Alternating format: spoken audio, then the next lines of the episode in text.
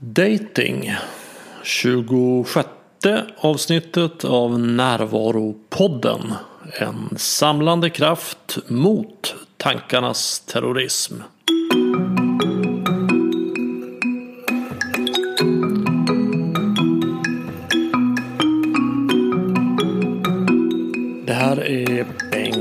Renander och först vill jag flagga för att jag har lagt upp föreläsningarna för våren 2019 på min hemsida. I februari så handlar det om kärleksrelationer, i mars om maskulint och feminint, april om att stoppa tankarnas terrorism och i maj om tantra sex. Föreläsningarna har hittills alltid varit fullbokade så vill du vara säker på att få en plats boka nu på min hemsida renander.nu. Dagens tema dating anknyter ju till alla de fyra teman som jag föreläser om i vår. Och det är ju också ett väldigt vanligt ämne i samtalen som jag har med mina klienter. Min samtalspartner idag är Linnea Molander och hon arbetar som datingcoach och har hjälpt över tusen personer med att bli bättre på att dejta. Linnea är utbildad till psykologisk coach vid Högskolan i Skövde och har en examen i kognitiv neurovetenskap. Hon bloggar och föreläser om dating och medverkar ofta i media som datingexpert. Till exempel i P4 Extra, Nyhetsmorgon, DN och Metro.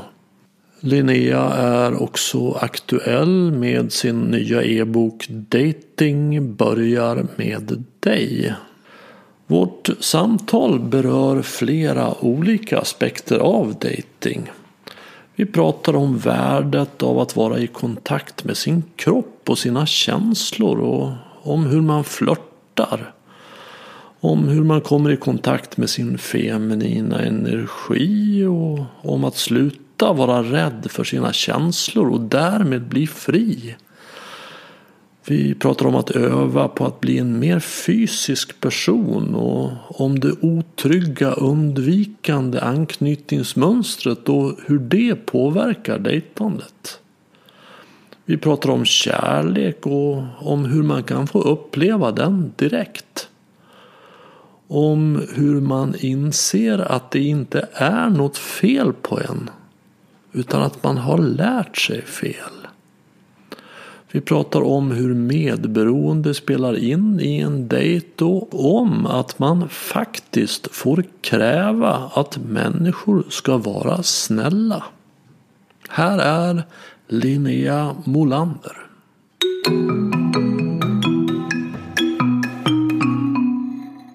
Du jobbar ju som datingcoach. Mm. Mm. Hur många sådana finns det? För få. På herrsidan finns det en del, men mer åt raggningscoach-hållet. Mm. Jag tror den lucka i marknaden som jag fyller är att jag dels har en, en rejäl utbildning, jag är kvinna och jag pratar om det från ett psykologiskt perspektiv istället för det praktiska, säg så här, gör så här. Det finns ganska mycket sånt. Eh, medan min ingångspunkt är att förstå psykologin som påverkar våra relationsmönster, våra attraktionsmönster och förstå psykologin som påverkar det sociala mellan oss, vad som får människor att etablera olika typer av kontakt med varandra. Och det är ju någonting helt annat än checka tips och schyssta tekniker. Mm. Det finns ett större djup i det du gör. På ett sätt ja, samtidigt är mitt mål verkligen att konkretisera det. För att det kan låta som att ah, gud, måste jag liksom rota i min själ och förstå hela min barndom och psykologi. Det kan låta tungt. Mm. Eh, men när man bara fattar några avgörande grejer så kan det bli ganska konkret och ganska enkelt trots allt. Ja, för, för det handlar väl om hur vi får kontakt? Ja. Vi knyter an till varandra på ett sätt. Ja. Och att kunna göra det då hyfsat snabbt. Ja, och på rätt sätt. Man kan ju få olika typer av kontakt. Och många har en naturlig fallenhet för en viss typ av kontakt. Vissa får flörtig, passionerad kontakt med nästan vem som helst vart de än går. Men det blir kanske inte så mycket mer än så. Medan andra har lätt för att få en intellektuell eller vänskaplig platonisk kontakt. Men det blir inte så mycket mer än så heller. Och det vi vill är ju att kunna röra oss över hela det här spektrat och själva styra när och med vem vilken typ av kontakt ska uppstå. Okej, okay, och hur gör man det? Till att börja med förstå vad det är som påverkar den här kontakten. Ehm, den omedvetna kompetens vi har, om vi säger att jag har en lätthet för att skapa vänskaplig kontakt med människor på bekostnad av att jag inte är lika bekväm med att flörta så betyder det att jag gör ju vissa saker när jag möter människor. Jag har vissa tankar och, ehm, eh, och beteenden och idéer om vad det innebär att möta en ny människa. Förmodligen har jag ganska gott självförtroende när det kommer till att få nya vänner. Att jag litar på att du kommer nog gilla mig, för folk brukar gilla mig. Men däremot kanske jag inte tror att människor kommer, eh, kommer bli attraherade av mig. Att de ska flirta med någon som bara, men det är svårt och läskigt och jag kan bli nobbad och hur ska det gå? Tänk den gången förut när det inte gick liksom. Eh, men det här handlar ju om olika typer av beteenden. Jag pratar bara om det som social kompetens. Och det är samma sak tvärtom, att den som är naturligt skicklig på att flörta vet inte heller vad den personen gör som gör att det blir flörtig stämning. Men det jag har satt mig in i är att lite grann avkoda vad är det som skapar olika typer av stämning så att man själv kan medvetandegöra beteendena. Hos de som kommer till mig, så den kanske allra vanligaste klienten det är en kvinna någonstans mellan 30 och ja, 45-50. Oftast mellan 30 och 40 som, som gärna vill träffa någon. Mm. Ofta väldigt intelligenta, framgångsrika, trevliga, duktiga, humoristiska. Mm jättehärliga tjejer. Men de säger så här att jag, var, jag träffar antingen bara mesar mm. eller psykopater. Mm. Mm. Du beskriver min målgrupp helt klockrent här också. Jag har förstått det när jag har läst vad du har skrivit och hört dig ja. prata. Ja. Så vad är det du ser där då? De här kvinnorna är ju som du säger smarta, drivna, kompetenta, framgångsrika. De är vältränade i prestationsmusklerna. Men de är inte särskilt emotionellt vältränade. Så att de kan eh, skapa proffsig, professionell kontakt. De är grymma på sina möten, de kan gå på jobbintervjuer som ingenting. Men det är inte det som gör en bra dejt. De egenskaperna är inte värdefulla när du ska etablera en romantisk, flörtig eller sexuell kontakt med någon. Eh, utan de går på dejt efter dejt och personer som dras till den här business-sidan av dem eh, är ju ofta personer som tycker wow, hon är så stark, gud vad häftigt, henne kan jag luta mig mot. Och det är kanske inte riktigt vad hon längtar efter alla gånger. Um, och eh, just eftersom den här emotionella inkompetensen finns så känner hon inte igen varningssignalerna hos psykopater eller personer som beter sig osympatiskt. Uh, utan ofta kommer den här överprestationen av att man blir tvungen att vara stark och duktig och klara sig själv någon gång i livet ganska tidigt. För att ja, någonting hände eller det fanns en, en bristande emotionell koppling någonstans. Nu generaliserar jag jättemycket här. Men, mm. eh, och det gör att den styrka du har, du har så stenkoll på spelreglerna i affärslivet men du har inte stenkoll på spelreglerna i den emotionella världen. Vilket gör att det är, när någon då beter sig illa och du inte vet att så här får man inte bete sig mot mig. Då kan det gå rätt, eh, rätt illa och bli rätt otrevligt. Mm. Jag använder mig av en, en sorts inre karta där vi har två huvudplatser i egot och självet. Sen i, i egot så arbetar med olika delpersonligheter inspirerade av psykosyntesen. Väldigt bra sätt att faktiskt förstå sig själv. Och där brukar jag säga att det finns en delpersonlighet som handlar om att tänka och göra. Den brukar jag kalla för maskulin energi. Jag är otroligt noga med att inte kalla det manlig och kvinnlig energi utan maskulin och feminin. Mm. För både män och kvinnor behöver båda. Mm. Men den maskulina handlar om att tänka och göra, prestera, vara duktig. Mm. Och den feminina handlar om att känna och vara. Och där har vi relation, sensualitet. Mm. Och eh, väldigt många av oss blir uppfostrade och lärda att vi är älskbara i vår maskulina energi. Både män och kvinnor, för vi lever i ett samhälle som hyllar maskulin energi. Mm. Och har man som kvinna då lärt sig att jag är älskbar i min maskulina energi så kommer jag ut i en situation där jag verkligen vill vara älskbar, nämligen på en dejt. Ja. Så går jag in i min maskulina energi, alltså börjar tänka, göra, prestera. Mm. Och två maskulina energier repellerar varandra på samma sätt som två pluspoler på magneter. Så att man håller, man, det blir aldrig, alltid ett avstånd. Mm. Medan då maskulin och feminin energi attraherar varandra. Så att vad som sker är att, att kvinnan går in i sin maskulina energi i den här dejten och träffar en man i maskulin energi och repellerar honom. Alltså man blir kompisar men man kommer inte nära. Mm.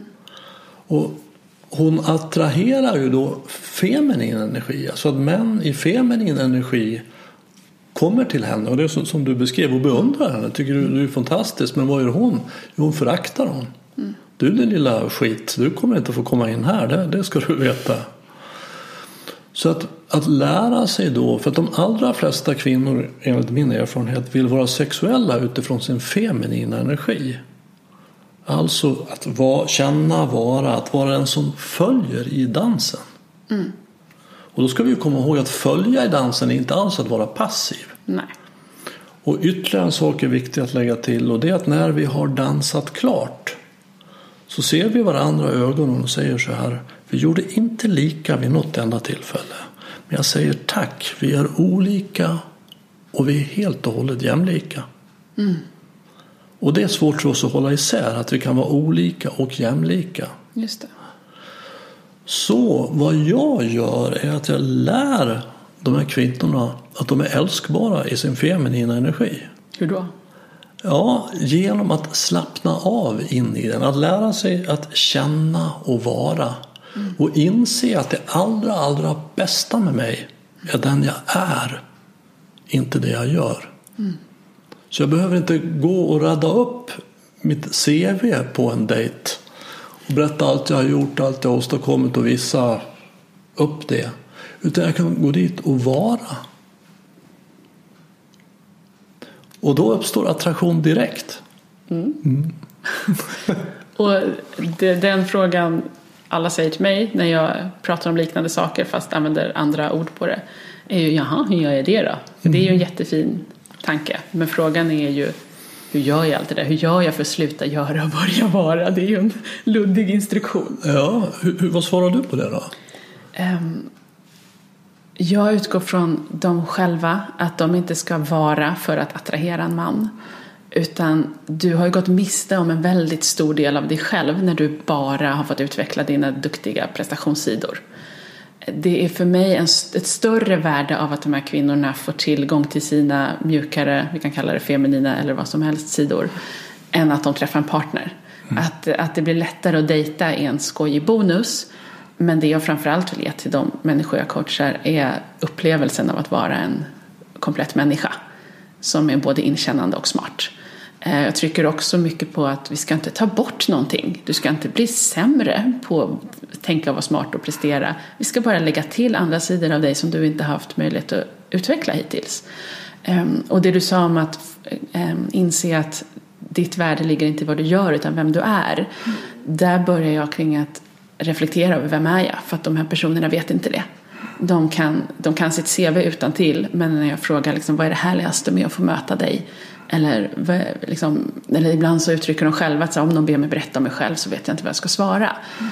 Eh, och du kan inte se värdet för andra av att möta dig som person om du inte själv har mött dig som person. Så mycket handlar om att titta inåt. Hela min, eh, mitt grundmotto är dating börjar med dig. Det är namnet på min bok. Det är vad jag kommer tillbaka till hela tiden. För om du inte vet vem du är, inte är i kontakt med dig själv, då är det helt kört att erbjuda det till någon annan också. Mm, ja, verkligen. Det är, det är precis vad jag säger också. Att, att, och också att se det att när jag, när jag går in i den här presteraren som jag kallar den här maskulina energin för. Mm. Ska prestera och vara duktig, vara över medel och normal. Mm. Så är jag aldrig tillräckligt bra. Jag kunde alltid ha gjort lite bättre. Så då får jag tillbringa mycket tid i min smärtkropp. Mm. Som säger att jag duger inte till. Nej, nej det blir ju plågsamt. Ja, mm. och då träffar han bara på dejt med en kvinna som är sysselsatt med att, att vara över medel, duktig och normal och sen så pendlar till att inte duga till. Ja. Det är ju inte så attraktivt. Nej, det är inte så härligt att umgås med sådana människor. Nej. Och framförallt blir det problematiskt för att en människa som pendlar mellan det där är ju fast i sina egna grejer. Mm. Du kan ju inte vara närvarande med mig om du sitter och säger är jag duktig? Nej, jag var dålig. Jag är duktig, jag är dålig. Du sitter ju bara och tänker på dig själv. Mm. Du och jag kan ju inte mötas då. Nej. Och då blir det ju inte så mycket till till möte eller dejt eller kontakt. Nej, nej, det blir inte så mycket till attraktion. Nej, inte det heller. För, för att den uppstår ju där när det feminina möter det maskulina i den kortbild som jag arbetar med. Sen kan man använda andra ord för samma sak, absolut. Mm. Och om jag då går in i det maskulina hela tiden som kvinna så kommer jag att attrahera feminin energi. Ja, ehm, jag brukar prata om det som att alltså problemet är att när du sitter och växlar där mellan din prestationsångest och din smärta, otillräcklighet, så är du ju helt i huvudet. Mm, exakt. Ehm, och eh, attraktion är en väldigt fysisk process. Din kropp måste finnas med för att det ska uppstå attraktion. Du måste vara närvarande i din egen kropp. Din kropp ska förslagsvis ha lite kontakt med den andra personens kropp. Så uppstår en helt annan kontakt mellan er. Ehm, och det behövs vissa aspekter av aktivt flörtande. Mm. Och de förutsätter både att du är mentalt närvarande och att du är fysiskt närvarande. Och gärna också emotionellt närvarande. Mm. Och det kan du inte vara om du sitter och grubblar på, räcker jag till eller är jag dålig? Var det där jag sa bra? Mm, hur ska det gå?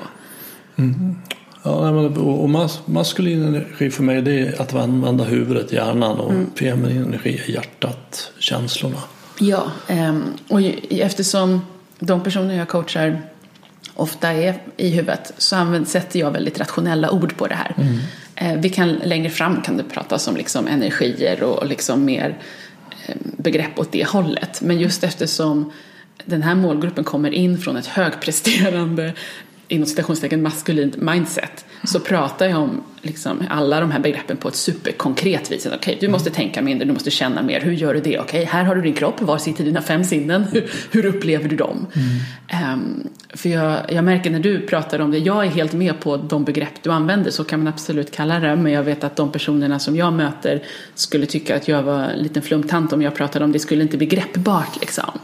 Eh, så jag tror att ehm, ehm, en styrka för ändamålet så att jag kan sätta ord på det här som gör att det blir superkonkret. Gör så här. Ja, för, för det ligger ju, det finns ju en paradox i, i just den frågan. Berätta för mig hur jag ska tänka och göra för att vara i min feminina energi. Exakt. Och, och jag säger att om du ska tänka ut hur du ska göra för att vara i din feminina energi så kommer du inte hamna där. Utan, Nej. utan sättet att göra är att slappna av in i det. Ja, och det är en jätteluddig instruktion. Jag stod själv, jag, jag märker det är jättespännande att prata om detta för att när, när jag själv letade efter ord på exakt den här mittpunkten. Alla bara Linnea, du måste sluta tänka, gör inte, känn in bara liksom. Det betydde ingenting för mig. Jag fattade inte vad folk pratade om. Vad är det jag ska göra? Nej men du ska sluta göra, var känn bara. Jag bara, men håll käften, jag förstår ju inte. Eh, och det som, det väldigt, väldigt högst konkreta verktyg vi har för detta är vår fysiska kropp. Den är enkel att förstå, den är alltid här, du har den alltid med dig. Och det är den vägen in jag använder, att jag kan inte säga till någon, mm, smält in och bara känn, för att hon kommer bara bli arg och gå därifrån. Det, är inte hjälpsamt. Men när man kan säga så här, kan du nyp dig själv i fingertoppen. Kan du uppleva att du har en fingertopp? Ja, jo, men det kan ju de flesta.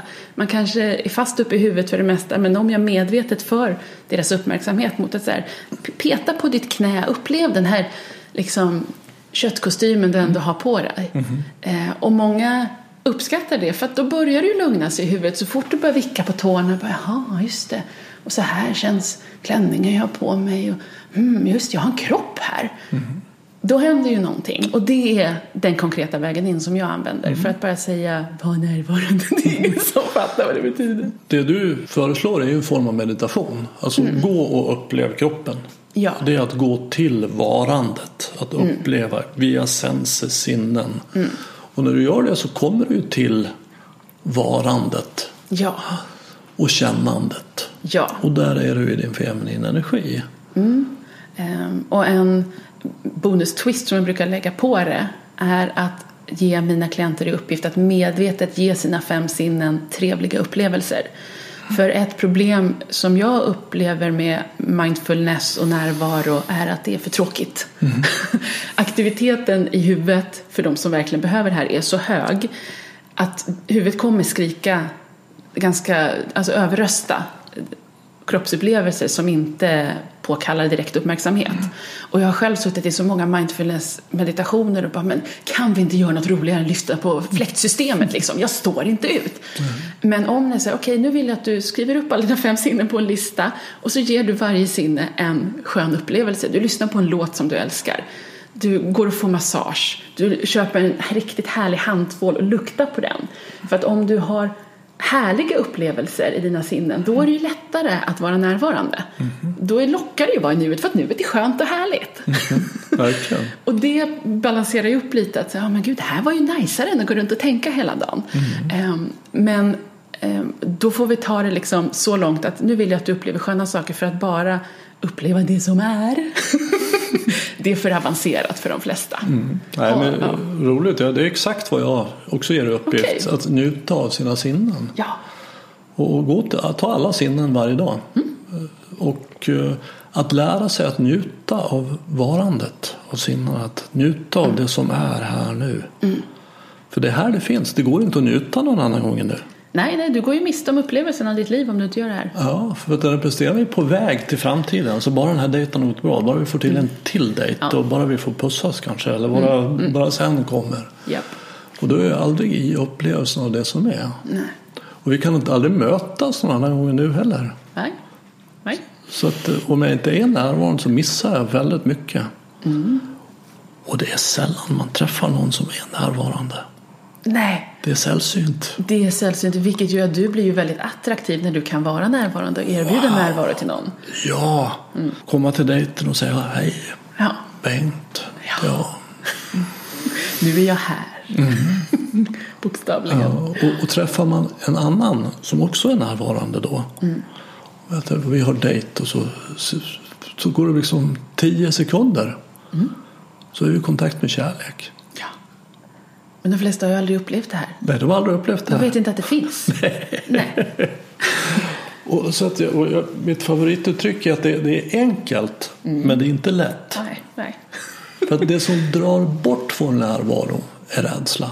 Mm. Det finns inget som är så, så, starkt drar bort från närvaro som just rädsla. Och när vi går på en dejt så är vi ofta väldigt rädda. Mm. Rädda för att inte duga till. Mm. För att det inte ska gå bra. Mm. Att bli avvisade. Och då kan man få känslor som man inte vill vara närvarande med. Mm. Den risken kan man inte ta. Nej. Och då är man ju fånge. Mm. Jag menar i alla fall att, att vägen ur alla missbruk Alltså roten till alla missbruk, oavsett om jag håller på med socker eller mat eller alkohol mm. eller jobb eller vad det än är, är att jag förmår inte känna det jag känner. Nej. Jag ska hela tiden känna något annat. Mm. Och då är jag alltså på flykt ifrån mitt eget känsloliv. Det är mm. det som ockuperar min energi hela tiden. Ja. Och, och, vägen ur, jag är ju själv en nykter alkoholist. Jag, jag kommer ihåg första festen som jag gick på efter att jag hade slutat dricka. På den tiden jag drack, då var jag alltid på en fördrink eller hade en fördrink hemma först och sen gick jag på en fördrink innan festen så fick vi en fördrink på festen. Och jag var ju jätte så här full fart och pratade med folk och var och sen slutade jag dricka och var på första festen. Och ingen fördrink hemma, ingen fördrink innan och ingen fördrink på festen. Där stod jag med mitt glas vatten. Mm. Och var så tråkig. Så ointressant. Jag hade ingenting att säga till någon. Och då slog det mig att det är det här jag har undvikit. Ja. Det här hjälp. Och det står ett glas där. Mm. Om jag dricker det så slipper jag känna det här. Men jag ja. drack inte det glaset. Och jag hade inte en så rolig fest. Men, men när jag gick därifrån så var jag stolt. Ja. För jag hade känt det jag kände. Ja. Och nu har jag ju vant mig det. Nu kan jag känna det. Det ja. går bra. Men när man slutar vara rädd för sina känslor då är man ju fri. Exakt. Och det här är ju så relevant när du dejtar. För att om du är rädd för dina känslor och gör saker för att slippa känna dina känslor. Då är det väldigt ambitiöst att gå på dejt och sikta på kärlek. Verkligen. det går ju inte ihop alls. Nej. Hur ska du kunna känna något för någon om du är rädd för dina känslor? Exakt så. Och vi ska komma ihåg att det är inte farligt att känna. Nej. Det kan vara obehagligt, eller vissa känslor är obehagliga, men mm. de är inte farliga. Nej. Det vi däremot gör för att slippa känna mm. kan många gånger vara livsfarligt. Mm.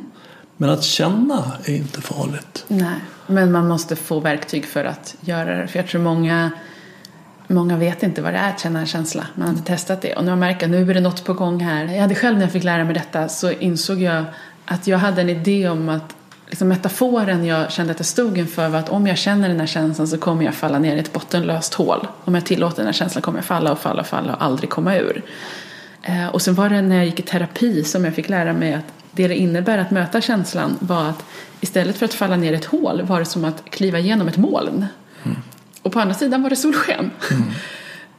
Så att min, min rädsla, ja det är lite obehagligt och du är lite vilsen där i målet, mm. molnet. Men när du kommer ut på andra sidan är det bra. Mm. Eh, och det är en process på bara några sekunder.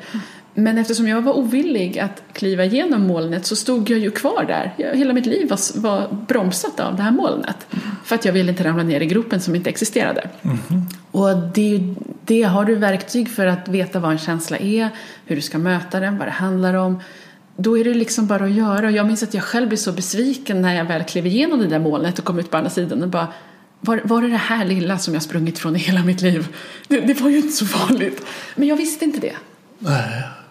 Wow, jag delar precis den erfarenheten också. Jag brukar likna det vid en våg som sköljer över. Mm. Det kommer det stilla, sen så kommer det en våg som når den sin peak och sen så mm. sköljer den över och sen är det stilla igen. Och det går på någon minut. Ja, ja. jag kan ibland se det som att ett spöktåg som bara kör igenom mig. Kör ah. igenom min bröstkorg. Det kommer ett spöktåg av energi. Och, bara, mm. och sen har tåget åkt förbi. Sen är det bra. Ja, jag gillar den där bilden av molnet. Det tycker jag var fint. Ja. Och för att det, det, finns ingen materia. Det ser så solitt ut. Ja. Men det finns ingen materia. Och just där efteråt också. Att, men det här var, var ju inte så farligt alls. För gud, jag har hållit på. Ja, det var bara ingen som sa till mig att det var så här det funkar. Ja. Hur, hur flörtar man då? Hur går det till? ja, först behöver man ju släppa taget om den här allvarliga duktigheten. Mm. Och, eh, och hur gör man det då? Man måste göra någonting annat istället. Mm. Och plocka fram mer av en lekfullhet. Man får skoja, man får ha kul. Och här är det ju jättebra om man då redan har övat på att uppleva härliga saker med sina fem sinnen. Mm. För då, hela, hela mitt koncept heter happy dating. Mm. Och det är ju inte en slump. Happy kommer före dating av en anledning. Om du inte vet hur man gör för att vara glad och må bra och ta hand om sig själv och ha kul då kommer det inte bli flörtig stämning. För det där med att må bra och vara glad och ha kul och uppleva härliga saker är en väldigt viktig del av flörtande. Flörtande är, bygger på en lekfullhet. Eh, om du och jag ska sitta här och vara väldigt seriösa, vi kan säkert ha intressanta samtal, men det blir lite skillnad om, jag, om, vi, liksom, om vi kan slänga käft och retas och skämta med varandra och då uppstår en helt annan stämning. Mm. Så man har den lekfullheten, både i tanken men mycket liksom bara utstrålning. Och så kanske man lägger på lite, lite kroppskontakt, eh, vågar prata om saker som bränns lite och mm. medvetet på olika sätt uttrycka intresse av annan sort än intellektuellt. Då uppstår en helt annan typ av kontakt och mm. därmed flörtig stämning. Mm. För någonting som jag stör mig mest av allt på är folk som går på en dejt för att se om det fanns, eh, om det fanns någon gnista. Och så frågar jag, men flörtade du då? Nej, nej, det gjorde jag inte. Och då, hur ska någon gnista uppstå om ingen flörtar? Ja. alltså, du får ta med dig den kontakt till mötet som du vill ska finnas där. Hälften av mötet består av dig. Så vill du att det ska finnas gnista så måste du bidra med lite gnista. Du kan inte bara sitta där och vänta på att saker plötsligt ska hända. Mm. Ja, det är, det är helt rimligt. Och, och här kroppskontakterna, hur etablerar man det? Där tror jag också mycket på att öva i vardagen, att bli en mer fysisk person i största allmänhet. För att annars kan det bli den här, nu, nu ska jag lägga handen på din arm jättestelt för att det brukar jag aldrig göra, oj oj oj hur kommer det gå? Jämfört med, bara, jag är en person, jag kramar alla eh, jag möter, man kanske övar på att ja, men man ger high-fives till folk, man lägger armen om människor, man tar på folk, man går förbi så tar man, lägger man en hand på axeln och säger ursäkta jag ska gå förbi här. Att du övar på att vara en fysisk person så att du redan före dejten i grund och botten i ditt liv är van vid att vara fysisk med människor. Så att du inte bara tar på människor som du vill ligga med för det blir jättejobbigt för alla. Mm. Eh, och då kommer det ju vara ganska naturligt att vara lite fysisk med personen du är på dejt med också. Ehm, och sen rent praktiskt börja i yttre kroppsdelar och rör dig inåt. ja, det, tror jag är ett bra tips. jag känner efter liksom, om det, hur det tas emot. Ja. Och sen är det ju fina också, allting hänger ju inte på dig utan jag, jag ser flörtande lite som att man, man kastar en boll till varandra. Att jag kanske rullar över bollen till dig och så ser jag om du bollar tillbaka den. Gör du inte det, kanske jag bollar tillbaka en boll till eller två. Men om det inte kommer tillbaka några bollar då, då får jag gå och kasta boll på någon annan. Liksom. Men om du är snabb på att bara, åh här kom det en boll, jag puffar tillbaka den. Då har ju vi plötsligt en dynamik emellan oss. Eh, Så det är ju inte att man flörtar en gång och visar sina avsikter och intentioner utan det är ju en, en rolig lek, en dans. Är, det, är det den du rekommenderar framför allt att man, man går in i när man går på en dejt? Dansen. Ja, att man eh, liksom har en mycket mer lekfull... Ja, många behöver öva på det. Ehm, för det är ju inget fel med att vara också smart och intellektuell. Det är ju attraktivt på ett sätt också. Men de jag coachar behöver inte öva på det. De behöver öva på mer på lekfullhet och närvaro. Eh, och då, alltså, alla de här sakerna får ju, de flesta får totalt datingförbud när de kommer. Det är ingen idé att man dejtar när man har de här mönstren. Eh, då får man öva på, på livet, på sina vänner, på främlingar, på att, eh, ehm, att berätta mer om sig själv på ett annat sätt, att reflektera över vem man är, att vara mer i lekfullhet, att vara mer i närvaro, ha mer kroppskontakt med människor. Och sen när du redan har övat på, på ditt vanliga liv, då är nästa steg att gå och göra exakt samma sak på en dejt. Men att, att göra det på dejten är inte första steget. Ehm, Och poängen är ju återigen att livet blir jättemycket roligare om du gör alla de här sakerna oavsett om du har en relation eller någonsin går på en dejt eller är gift. Och det är huvudskälet till att göra det här, att det, det blir roligare att vara människa. och sen, som sagt, så är det en jättetrevlig bonus att det gör det lättare att gå på dejt och träffa någon och få kontakt. Hur vet man att man har träffat den rätta? Hur vet man liksom när man ska lägga på den här skärmen? För ibland kan man ju känna att det, det här är kanske ingen idé. Är det så att det finns någon? Vad, vad, hur tänker du kring det? Det, det, det? Gissar att du inte tänker att det finns en som är rätt. Men du kanske heller inte tänker att alla är rätt. Vad, vad, hur ser du på det? Nej, eh, jag tror inte att du får lägga, alltså först så här, ja du är rätt och flörtar med dig. Då blir det fel ordning. Utan du börjar flörta för att ta reda på om personen är rätt och intressant. Att man får se både dejtande och flörtande och chattande och allting som ett utforskande. Att man, man lovar inte, det är inte så från A till Ö i ett steg. Utan det är en liten trappa som du kan gå upp och ner i som du vill. Och den, den är viktig för att många tror att ja, men visar att jag är intresserad då kommer han bli jätteledsen om, om jag sen avbryter. Men nej, du får det. Alla kommer inte vara rätt. Det är fine. Ehm, men jag tror om du ska veta ehm, vad som är rätt för dig eh, så måste du veta hur saker känns för dig. Du kan inte räkna ut vad som är rätt för dig när det kommer till känslor och kärlek. Utan du måste vara i kontakt med hur saker känns. Eh, hitta någon, någon annan del av dig själv att få information och checka av med än från din, din logiska sida. Att du måste kunna, nu låter jag flummig här men lyssna från hjärtat. Du måste veta vad vill jag uppleva, vad vill jag känna, hur vill jag att möten ska kännas. Eh, Så det är en del av det. Men sen också att det räcker inte med att älska varandra, man måste rent praktiskt kunna vara tillsammans också. Både på samma sätt som att, att dejta är en social färdighet så är det en färdighet att ha en relation. Många saknar de färdigheterna. Um, och kan du se det som att inte bara att Åh, jag ska träffa rätt person sen är det bra utan så här, här är jag, här är den andra personen och mellan oss så finns vårt gemensamma projekt relationen. Eh, och se att vad, vad vill jag att det projektet ska innehålla? Eller vad vill jag att relationen ska, varför ska jag ha den här människan? Det är en fråga jag ofta ställer för många. Bara, jag vill verkligen träffa någon. Jag bara, men vad ska du ha den här pojkvännen till? Och det har man inte tänkt på. Utan, men alla andra har ju liksom. Ja, men vad, vad ska ni uppleva tillsammans? Vilket liv vill du dela med den här människan? Vad är viktigt för dig? När känner du dig älskad? Och människor har inte riktigt reflekterat över det i så stor utsträckning. Utan man vet bara att kärlek är bra, det vill jag ha. Ehm, så dels att du har en emotionell kontakt. Vad vill jag känna i min relation? Men också att du träffar någon som har liknande värderingar, vill leva på samma sätt, har samma reflektioner kring ska vi ha barn, hur, hur, hur ska vår, vårt familjeliv fungera, vilken del av världen vill vi bo? Eh, Så att du har både en emotionell kontakt men också en, en lite klarsynt inställning till vad det innebär att leva med en annan människa. Jag brukar tänka att att man startar en trädgård tillsammans. Och vad, vad vill vi att den här trädgården ska innehålla? Och, och där brukar jag, de flesta människor vill ha i alla fall fem möten i den trädgården. Och det är dels ett andligt möte och det är att vi möts i närvaro. i tystnad. Men vi, vi, vi har ett sånt nu här. Och det är där kärleken finns. Mm. Och sen ett intellektuellt möte, och det är när våra maskulina energier möts. Så att vi kan ha spännande saker att prata om och man lär sig av varandra och kanske ha gemensamma intressen. Så det är ett emotionellt möte och att vi kan skratta tillsammans, ha humor och leka och att mm. vi kan vara sårbara och få vara ledsna och små också. Ja. Och sen har vi då det sexuella mötet och det är ju då när min maskulina energi möter din feminina energi. Då. Mm. Och sen det praktiska mötet som handlar om att alltså, kan vi plocka in en diskmaskin på ett likartat sätt? Kan vi åka till ICA Maxi och storhandla utan att det blir slagsmål? Ja. Och, den delen är viktigare än många tror jag reflekterar över. Den är väldigt viktig. Ja. Men, men, alla de fem mötena vill vi egentligen ha ja. i den här trädgården. Mm.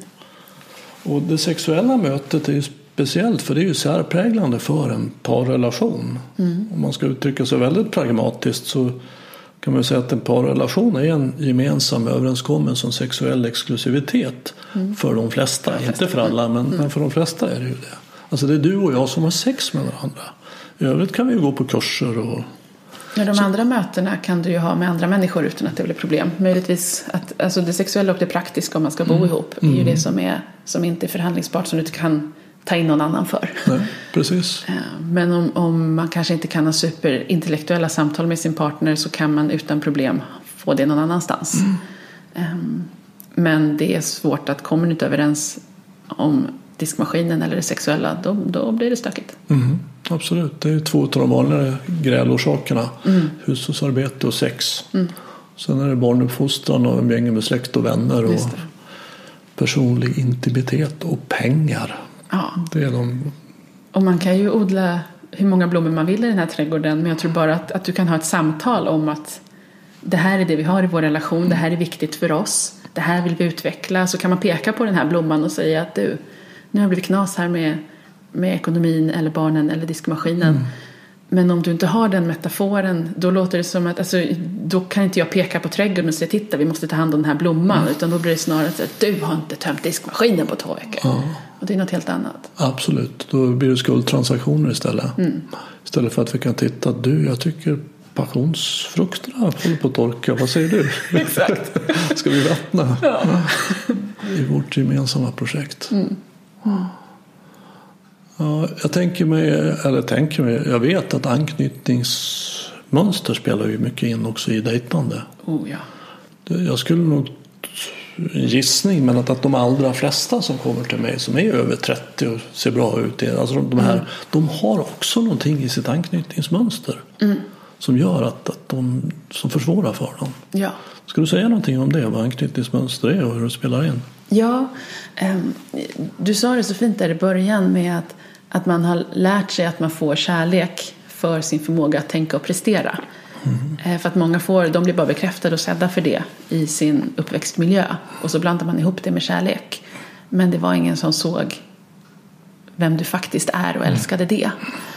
Um, och, och det återkommande problemet, för det finns ju så klara modeller över olika anknytningsproblem. Men jag brukar bara beskriva det som att det som blir problemet när vi dejtar är att vi gör samma sak för att få kärlek och kontakt och uppskattning från den vi dejtar som vi behövde göra för att få kärlek, kontakt och uppskattning från våra föräldrar när vi växte upp.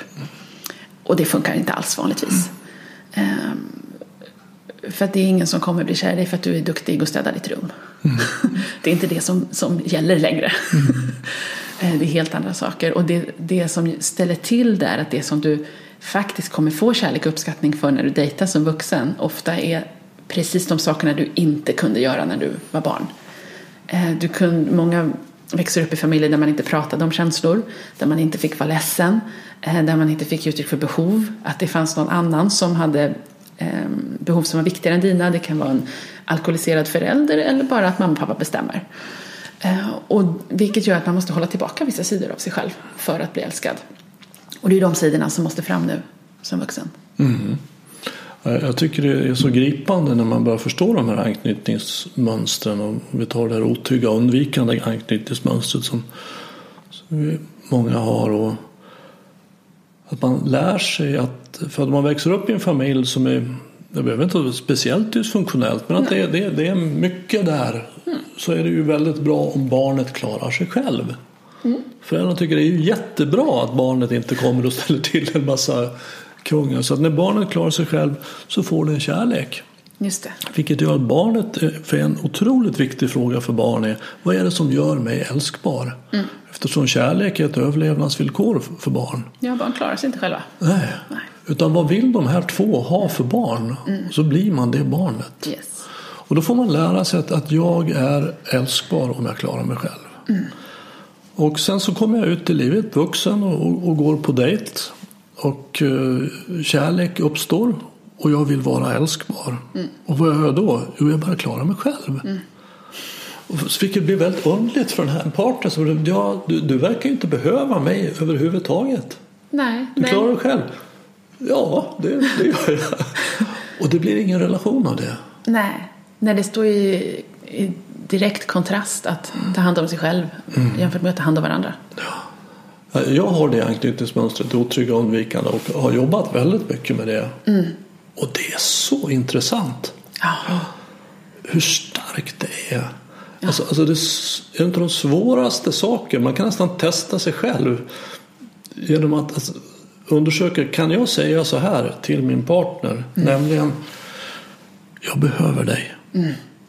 Det är nästan omöjligt för en, en, den otrygga undvikande. För att den tror att då kan du inte älska mig. Nej. Nej. Om jag behöver kan du inte älska mig. Och jag tycker det är så gripande. Ja, ja. och det, det sitter så djupt. Och inte bara då kan du inte älska mig. För att när du säger jag behöver dig så uttrycker det ju också ett, ett antagande om att människor faktiskt vill hjälpa dig.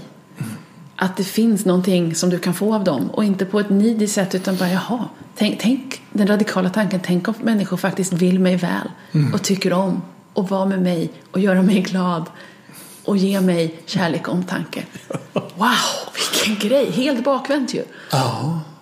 Och, och det här är ofta människor som själva tycker väldigt mycket om att hjälpa andra. Ja. Så har inget problem med att folk behöver dem. Nej. Utan njuter av att få ge. Precis, men ingen annan ska få njuta av det. Nej, Nej. exakt. Just det, det är ett sätt att kunna vända på det. Jag låter inte andra få, få ge, göra det som de tycker är härligt, nämligen att ge mig. Mm, det är lite snålt. Ja, det är lite snålt. ja. Absolut. Ja. Men det är ju kopplat. Det är ju inte därför man gör det utan det är för att man är så otroligt rädd att mm. det inte ska gå att älska en om man behöver någon. Mm. Man är väldigt bra på att klara sig själv. Mm. Men han blir då naturligtvis singel. Ja, då får man klara sig själv. Ja, och, och, och bli duktig på det. Ja. ja. ja, och det finns ju också en trygghet. Om du har klarat dig själv hela ditt liv så är det jätteläskigt att lita på någon annan. Mm. Du har inte koll på den människan och folk kan misslyckas. Mm. Det finns ju en trygghet i att jag har koll på mig, jag vet vem jag är, jag vet hur jag funkar, jag vet hur jag brukar göra saker. Och man blir liksom lite misstänksam mot alla andra människor för att det finns väl ingen som kan göra lika bra som jag på mitt sätt. Det är bara otryggt att lämna över en boll till någon annan. Mm. För att man är inte van vid det. Nej. Och är man rädd så går man där och, och kontrollerar och dubbelcheckar och, och det är väldigt otacksamt att försöka hjälpa en perfektionist. Mm. Det är otacksamt att hjälpa någon som inte vet hur man gör när man får hjälp. Mm, och då, då, går ju den onda spiralen igång att säga jaha, mm, nej det visste jag väl att det kunde väl inte du för det är väldigt svårt att hjälpa en sån person. Verkligen. Och det är också väldigt osexigt. Ja. ja. Kärlek. Kärlek, vi pratar om kärlek. Och, och, och vad, vad, är det för dig? Vad, hur tänker du kring kärlek? Vad är, vad är det för något? Uh, stor fråga. Det första som kommer upp är um, ordet kontakt. Um, men, men inlindat i uh, någon sorts lugn och trygghet. Mm. Um, jag har större delen av mitt liv varit jättebra på att bråka. Det var min bästa källa till kontakt. Mm. För det var så tryggt. Om du står där och skriker på mig då vet jag precis var jag har dig. Aha. Om du kommer hit och är snäll mot mig då kan du gå när som helst. Oj, oj, oj. Det är bäst att vi har en konflikt på gång så att, så att allting är liksom, okay. så ramarna är klara. Mm. och det hade du lärt dig när du var liten då naturligtvis? Ja, precis. Ja. ja. Eh, Vi är jätteduktiga på att bråka med familj. men, men jag insåg att det, det är inte den egenskapen jag vill förstärka hos mig själv eller så jag vill ha kontakt med människor. Ehm, Och det, det står i, i kontrast när du frågar om kärlek att, att kontakt med kontakt i ett lugn och i en känsla av trygghet. Absolut, och det intimitet. Jag hörde ett bra uttryck som sa så här att sex is love looking for itself. Intimacy is love finding itself. Och vad, vad, vad blir intimt då? Ja, det kanske allra mest intima vi kan uppleva är att vara i kontakt i närvaro. Jag tror det. Vi är aldrig så nakna som bara att vara i tystnad i närvaro. Nej. Här är jag. Jag kan inte hålla upp mitt ego, min personlighet. Ordet personlighet kommer från latinets persona som betyder mask. Så att vad vi gör när vi dejtar, då håller vi upp vår personlighet framför oss. Just det. För att vi inte ska komma fram vem vi egentligen är. Men när vi drar bort den masken, vi tar av masken, personligheten och bara är naket närvarande. Då kommer kärleken. Ja. Det har reflekterat mycket över just närvaro i tystnad. För jag upplever att jag kan lära känna någon eller få en bättre känsla för vem någon är genom att bara sitta i tystnad. Vi kan sitta bredvid varandra i en soffa och läsa varsin bok och bara känna hur känns det att vara, dela, dela utrymme med dig. Jämfört med att sitta och prata om det här är min personlighet och det här är din personlighet och det här är saker jag har varit med om. Och det är så här bla bla bla. Det händer inte så mycket där. Jämfört med kan inte du bara sitta bredvid mig en halvtimme och sen kan jag bedöma om- om jag vill gå på en andra dejt med dig. Absolut, och det, det, jag förstår precis vad du menar. För att allting som jag berättar om mig själv är ju mitt ego, det är min personlighet, det är någonting jag har. Men det är inte den jag är. Nej. Utan vill du, vet, vill du få en upplevelse av vem jag är så var i kontakt med mig. Ja. För där får vi en upplevelse av det som är väldigt eh, påtaglig och väldigt stark. Och det får vi av alla människor när vi kommer in och är, är i kontakt så får vi en sorts upplevelse som ju är kopplat till intuitionen. Alltså vi känner in, vi är ju flockdjur så att vi har ju haft miljontals år på oss att utveckla vår intuitiva känsla för andra individer i flocken. Ja. Så vi vet ju väldigt mycket när vi träffar någon direkt. Ja, och det här pratar jag ofta om med, med personer jag coachar som inte förstår så, vadå, hur, kan, hur kan folk veta att jag är si eller så? Liksom, För att man är inte medveten om vad man utstrålar. Och då brukar jag ha som exempel att här, om du är på en tågstation och så behöver du fråga någon om vägen så kan du direkt läsa av i en folksamling vem här är trygg att fråga. Du kanske inte tar han med stora musklerna och stora mc-jackan som står och ser arg och cool och hård ut i ett hörn. Eh, och du kanske inte tar någon som, som inte verkar koll på läget utan du kan ganska tydligt läsa av att så här, men okej snälla tanten eller hon businesskvinnan blir bra liksom. Eller åh här kommer en pappa med sin son, de, de har säkert koll. Ehm, och det här gör vi ju utan att veta någon fakta av dem, om de här Absolut. personerna. Att vi, vi läser av varandra hela tiden. Men, och det, det ser vi hos andra men vi är inte medvetna om vad vi själva utstrålar. Och det är därför man tycker man har sån otur. Att säga, Jaha, han sa att dejten var jättetrevlig men att det inte kom någon gnista. Varför sa han det? Och han kände ju inte ens mig och hej och hå.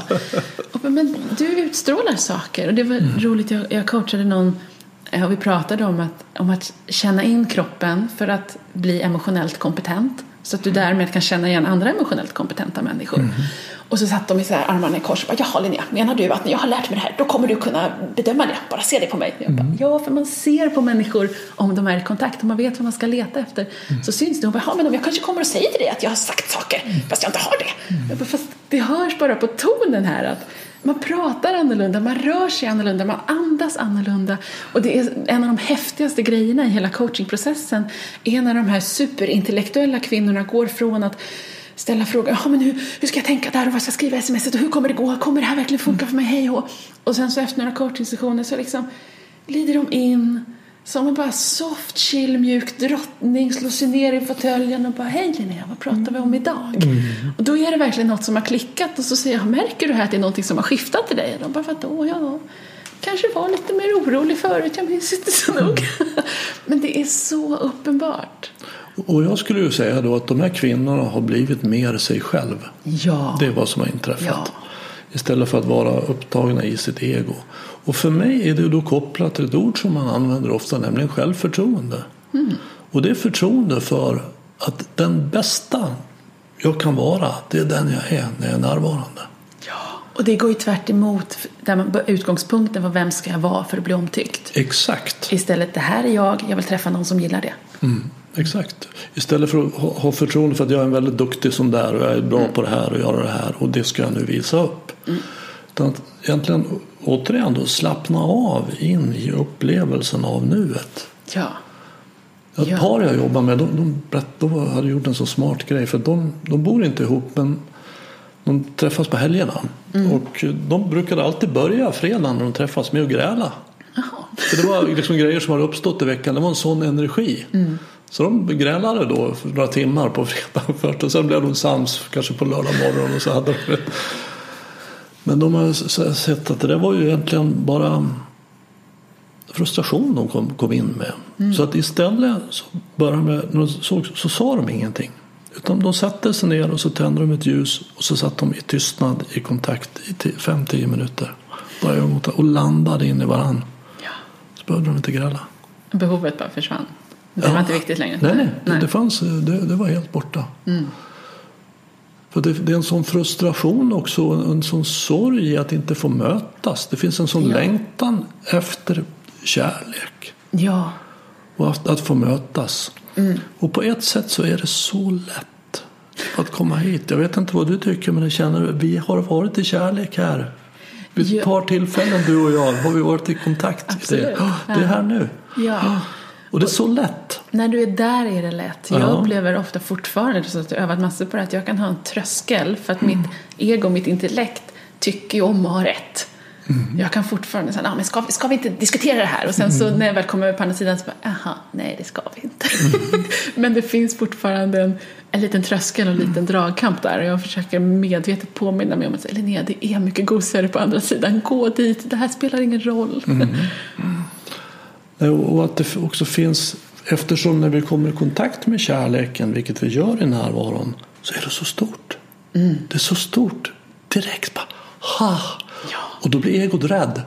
Just det. Därför, vad innebär det här då? Har jag blivit kär i den här människan? Måste vi nu inleda någon sorts relation? Eller vad är, bla, bla, bla, bla, bla, bla, rädsla? Och så Ja. drar vi oss undan. Just det. Istället för att säga att det här är en upplevelse som finns här hela tiden. Och jag ser det jätteofta många som för första gången upplever, de får lära sig att relatera på ett nytt sätt och så upplever de en typ av kontakt. Och så hänger de upp det på den andra personen och tror att nu har jag träffat en helt fantastisk man. Jag bara, han var inte fantastisk, han var bara först. Och hälften av det som var fantastiskt bestod av dig. Det är inte en slump att du träffade honom just nu. Du har lärt dig att dejta på ett nytt sätt och då uppstår en annan typ av kontakt. Du måste ta cred för det. Men det ser ju ut som att det här har jag aldrig varit med om och så händer det med dig, alltså måste du vara the one. Och, och jag har själv gått i den fällan massor av gånger. Liksom den första gången jag hade sådana starka möten i närvaro med män så var ju det helt himlastormande. Och sen har jag insett att jaha, det är så han möter alla människor. Det var inte personligt, det hade inte jättemycket med oss att göra.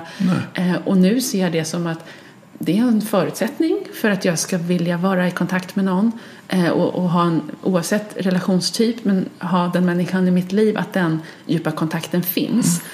Men jag tror första gången är väldigt lätt att blanda ihop det och tro att, att det är kärlek i en annan bemärkelse, att det är kärlek, nu måste vi bli ihop. Istället för att se att det här är ett sätt som jag kan relatera till alla människor på. Mm, Jag kan relatera kärleksfullt till alla människor. Ja, Det, det innebär inte att vi behöver bli ett par. nej.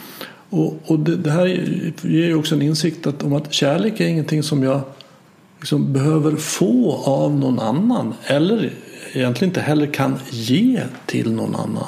Utan det är någonting vi kan uppleva tillsammans. Och den upplevelsen finns tillgänglig här hela tiden. Hela tiden. Så det är bara att komma hit. Och det här är ju då det andliga mötet i relationen. Ja. Att vi kan vara närvarande tillsammans och uppleva kärlek. Wow! Vilken kvalitet att få ha det i en relation. Så mumsigt. Ja, Fantastiskt.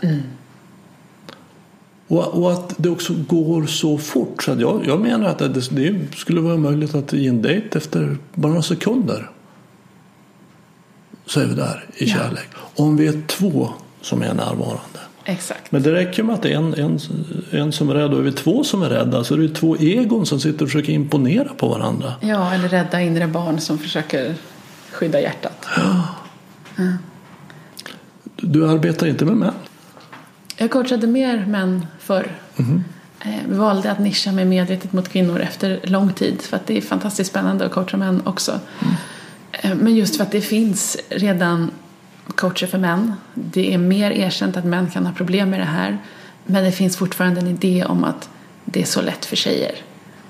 Kvinnor kan bara välja och vraka. Och, eh, och det gör att det blir ännu mer tabubelagt och skamligt att ha problem. För att de kvinnor som upplever, om, du, om din personliga upplevelse är att det här går verkligen inte för mig, det funkar inte alls.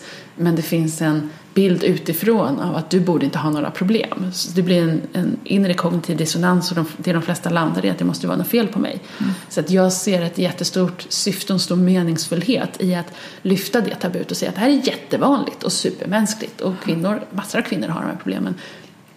Och jag märker det, det de flesta verkligen liksom andas ut kring när de kommer i kontakt med mitt arbete. Så gud, jag trodde att det bara var jag. Jag visste inte att, att det här var vanligt eller du har satt ord på någonting som jag trodde att ingen annan upplevde. Och de fattar ju att eftersom jag ändå jobbar med det här, jag kan ju inte göra det om det bara var dem. Ehm, så att för mig är det både som, som ett sätt att läka mitt yngre jag som hade de där tankarna, det måste vara något allvarligt fel på mig och vad, vad är det frågan om, varför finns det ingenting som riktar sig till kvinnor med de här problemen? Ehm, att jag vill bidra med det till världen nu. Ehm, och då har jag medvetet valt att framförallt coacha kvinnor, men det droppar in män lite då och då. också. Ja, det är ju så lätt att komma till den slutsatsen att det är något fel på mig. Och, och egentligen så är det ju så att vi alla gör så gott vi kan utifrån det vi har lärt oss. Om du tar en sjuårig tjej som uppvuxen i Sverige, hon kan ingen engelska. Och så går hon till sin första engelska lektion i skolan. Får sin första engelska bok, slår upp den och på vänstersidan så är det en bild på ett äpple. Och under det så står det car. På högerbilden, högersidan är det en bild på en banan och under det så står det stone. Och det här är en intelligent tjej. Hon är superskärpt så hon lär ju sig det här fort och hon får rätt på proven också. Sen när hon är 20 år så åker hon till England. Och så ringer hon hem till en väninna efter några veckor och säger att Åh, det är så härligt här i England. Så mycket fint landskap och trevliga människor. Och mysiga pubbar och jättegod öl. Och men, ah, det är en grej förstår du. Och det är att när det kommer till det här med frukt så det blivit något fel på mig. För det funkar aldrig. Alltså så fort det är frukt inblandat så, så, så blir det jättekonstigt. Så jag, jag har bestämt mig för att jag, jag, jag äter ingen frukt nu. Jag, jag håller mig undan ifrån det. Men du och jag vet ju att det är inget fel på henne. Nej, Hon har lärt sig fel. perfekt metafor. Ja. Och ibland tänker jag att, att det jag håller på med är en sorts komvuxverksamhet. Ja. att vi får lära om Ja. det vi har fått lära fel. ja. För att våra lärare, alltså våra föräldrar, det är ju väldigt få som har vuxit upp med några relationsexperter till föräldrar. Nej, det var inte bättre förr precis. Nej, verkligen Tidigare inte. generationer hade ju inte schysstare villkor. Nej, de var inte bättre på det. Nej. Och mina föräldrar var inte relationsexperter. Nej.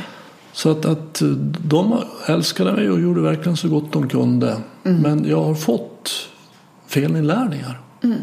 Och, och vissa saker har jag inte fått lära mig överhuvudtaget. Nej, de kan ju inte ge dig saker de inte har. Nej, Nej. helt omöjligt. Ja. Så på samma sätt som jag inte kan prata turkiska. Nej. Eftersom de kunde inte det och vi, de lärde mig inte det så, Nej. så finns det naturligtvis saker vad det gäller att ha en, en varm och härlig och närande relation. Som jag inte heller har lärt mig. Och en viktig skillnad här är ju att de flesta ser inte det här som en färdighet som du lär dig. Utan det finns en idé om att det händer när det händer och att alla bara förväntas kunna dejta, träffa någon och ha en relation. Det är en väldigt stor förväntning. För det är svåra grejer vi snackar om. Men det är ingen som lär oss hur man gör. Det är inte schysst. Och de flesta har lärt sig fel från början. Verkligen. Alltså jag skulle säga att, att det, det är det mest komplexa vi kan ge oss in i. Så är det att ha en kärleksrelation tillsammans med en annan människa. Den rymmer så många delar. Och vi får ingen som helst utbildning i det. Nej, och samtidigt finns det en tvåsamhetsnorm som säger att alla borde vilja och kunna. Mm. Det är inte ens så att man får välja själv. Men om man kan se att men det här är ett stort projekt då kan man ju medvetet välja, vill jag ha det här projektet i mitt liv? Man måste ju inte ha en relation, måste mm. inte ha en partner, framförallt inte varje dag i hela livet. Eh, utan man kan, den här idén om att happy ever after, att för evigt och långa relationer är bättre än korta. Mm. Det är en idé som, som också behöver alternativ. Mm. Att man kan mötas i kärlek på olika sätt, man kan ha olika typer av relationer. Man kan också välja att inte ha en relation. Mm. Och det är ganska intressant att se många som, som först kommer till mig vill ju verkligen, verkligen, verkligen träffa någon. Och sen får de lära sig alla de här sakerna vi har pratat om och plötsligt så är det så skönt att vara dem. det blir ganska sekundärt, alltså den här needinessen försvinner. För att det viktigaste är att det känns bra att vara jag och dyker upp någon annan som också gillar sig själv som vi kan liksom vara två trygga personer med tillsammans, då är det fine. Men den här stressen, den yttre pressen försvinner ofta. Mm. Jag får ofta fråga så här, hur många av mina klienter som inom citationstecken lyckas underförstått träffa någon. Mm. Men det är verkligen inte det som är målet. Eh, målet är att du ska bli fri från dina datingproblem och hitta dig själv. Mm. Och sen om du väljer att utifrån det kliva in i en relation eller leva lycklig som singel eller skaffa dig fem älskare, det är jättesekundärt. Mm. Eh, och jag skulle vilja att det, det fanns en större valfrihet. Så att det inte var bra att vara gift och dåligt att vara singel per automatik som det är lite grann idag. Utan att du ser att det här är ett stort projekt, är en trädgård som du kan välja att börja odla tillsammans med någon. Men du måste inte det. Nej, och det slår mig att den första dejten man behöver göra är den med sig själv. Mm. Alltså den jag är när jag är närvarande. Vad är det jag känner? Vad är det jag upplever? Ja. Vad innebär det att vara jag? Exakt. Att kunna uppleva det. Exakt. Och när jag har haft den dejten så då kan jag vara mogen och ge mig ut och dejta någon annan. Precis. Du måste veta hur din pusselbit ser ut och fungerar innan du kan försöka para ihop den med en annan pusselbit. Mm. De allra, allra flesta är ju medberoende på något sätt. Mm. Och man, om man som barn då har en, jag säger att man har en alkoholiserad förälder så är det ju inte möjligt för det här barnet att säga att du pappa, nu har du varit full tre helger i rad. Det här är inte okej. Okay. Så är du full en enda helg till så kommer jag skaffa en annan pappa. Nej. det, det, är helt omöjligt för barn att säga så. Yeah. Utan vad barnet får göra är att vi, jag filar till min pusselbit så att den passar in här. Mm. Exakt. Och sen kommer jag ut i livet med den pusselbiten som ser ut så. Mm. Och där passar jag ju då in med just den dysfunktionaliteten. Yes. Och, och, och, blir... Eh, är det någonting som du adresserar också? Medberoende? Och... Ja, eh, jag pratar framförallt mycket om anpassning. Mm. I eh, ordet jag använder snarare än medberoende, mm. även om det är ju samma sak. Mm. Att man kommer med sin dysfunktionella lilla pusselbit så att man passar ihop med andra dysfunktionella pusselbitar som är motsvarande på andra sidan av, av dynamiken. Och, men framförallt att man, att man hela tiden har filen med sig. Oavsett vem du möter så filar du till dig själv. Vem ska jag vara nu liksom? Mm. Eh, och det, det går ju inte. Målet är inte att du ska passa in så bra som möjligt. Målet är att du ska vara så mycket du som möjligt. Men det här är ju en, också en jätteradikal tanke för många. Att man har inte fått lära sig, men då får jag vara jag. Mm. Får, får man det? Och nästa tanke, vem tusan är det då? Om jag inte ska vara den jag blev en superviktig grej och, och egentligen någonting som jag kommer tillbaka till hela tiden. Jag får ju alltid frågan, vad ska jag göra Linnea? Hur ska jag göra med den här killen? Mm. Vad ska jag skriva här? Hur ska, vad är rätt liksom? Mm. Jag bara, men det finns inget facit. Du måste veta vad, vad skulle kännas bra för dig? Vad vill mm. du skriva i meddelandet? Vad skulle du vilja säga till den här personen? Mm. När skulle det passa dig att träffas nästa gång? Mm. Och alla säger, men vad, vadå jag? Vadå jag vill? Vad pratar du om nu? Mm. Eh, och kan man vända på den, att mm. börja utgå från sig själv. Dating börjar med dig. Du måste veta vad du vill, vem du är och vad du gillar. Och sen behöver du bara träffa en enda person till som matchar det. Mm. Och sen är det bra. Men det här är ju en hel omvändning från att gå runt med filen och ställa frågan vem ska jag vara för att du ska tycka om mig. Mm. Eh, jag ser att personer som är vana vid att anpassa sig och tror att de får kärlek genom att anpassa sig dras till överdominanta människor. För de är tacksamma att anpassa sig till. Mm. Och det blir dysfunktionellt. För att de enda personer som gillar att du saknar gränser och anpassar dig för mycket är människor som kommer utnyttja det. Människor som har sunda gränser tycker inte det är så härligt att umgås med någon som saknar gränser. Dras du till personer eller personer dras till dig som inte är schyssta så måste du vara medveten om att man får kräva att människor ska vara snälla.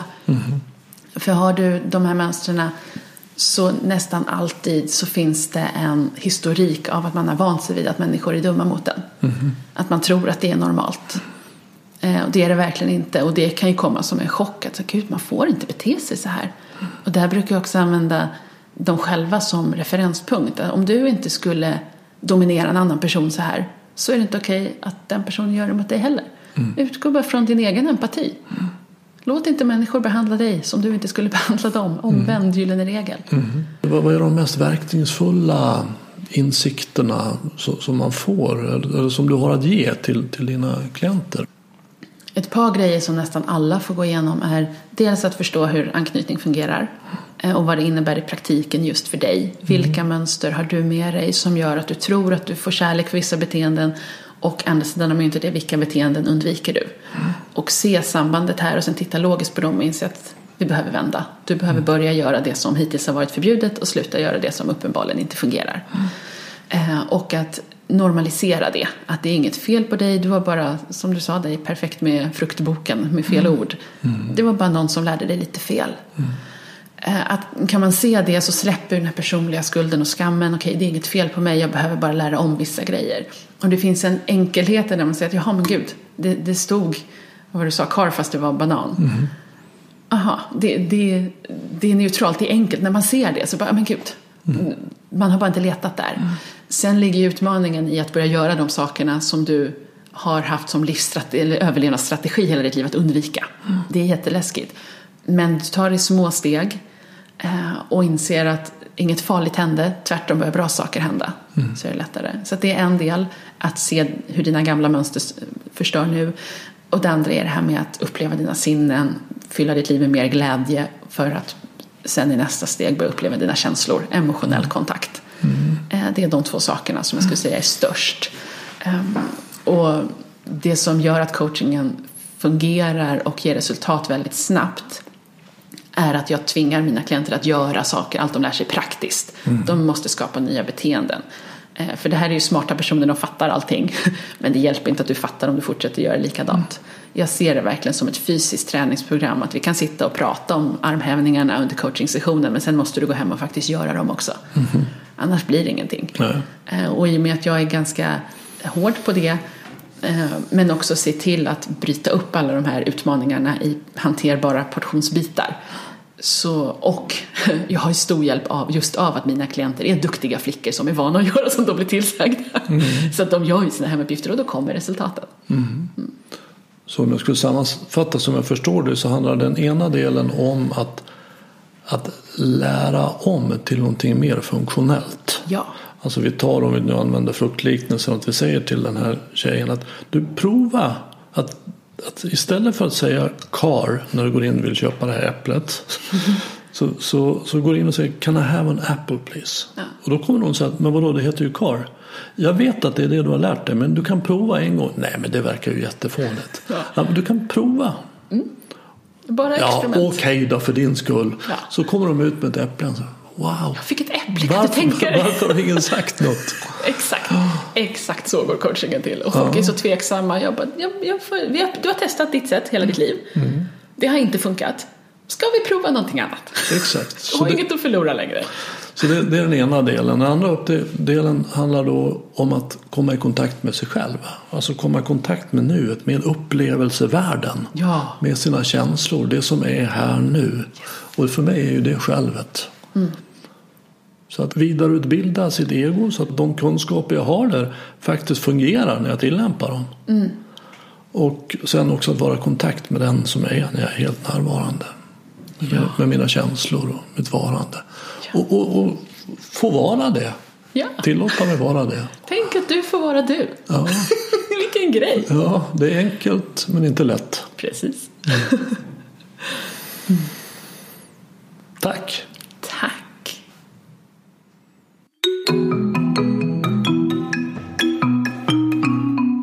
Om du vill komma i kontakt med Linnea, köpa hennes bok Dating börjar med dig eller anlita henne som datingcoach så finns en länk till hennes hemsida på min hemsida renander.nu. Vill du stödja podden i kampen mot tankarnas terrorism så gör det genom att tipsa om att den finns till vänner och bekanta. Det är också hjälpsamt om du betygsätter och skriver kommentarer på iTunes. Desto fler vi är som är vakna i verkligheten ju mer kan vi förändra den på riktigt.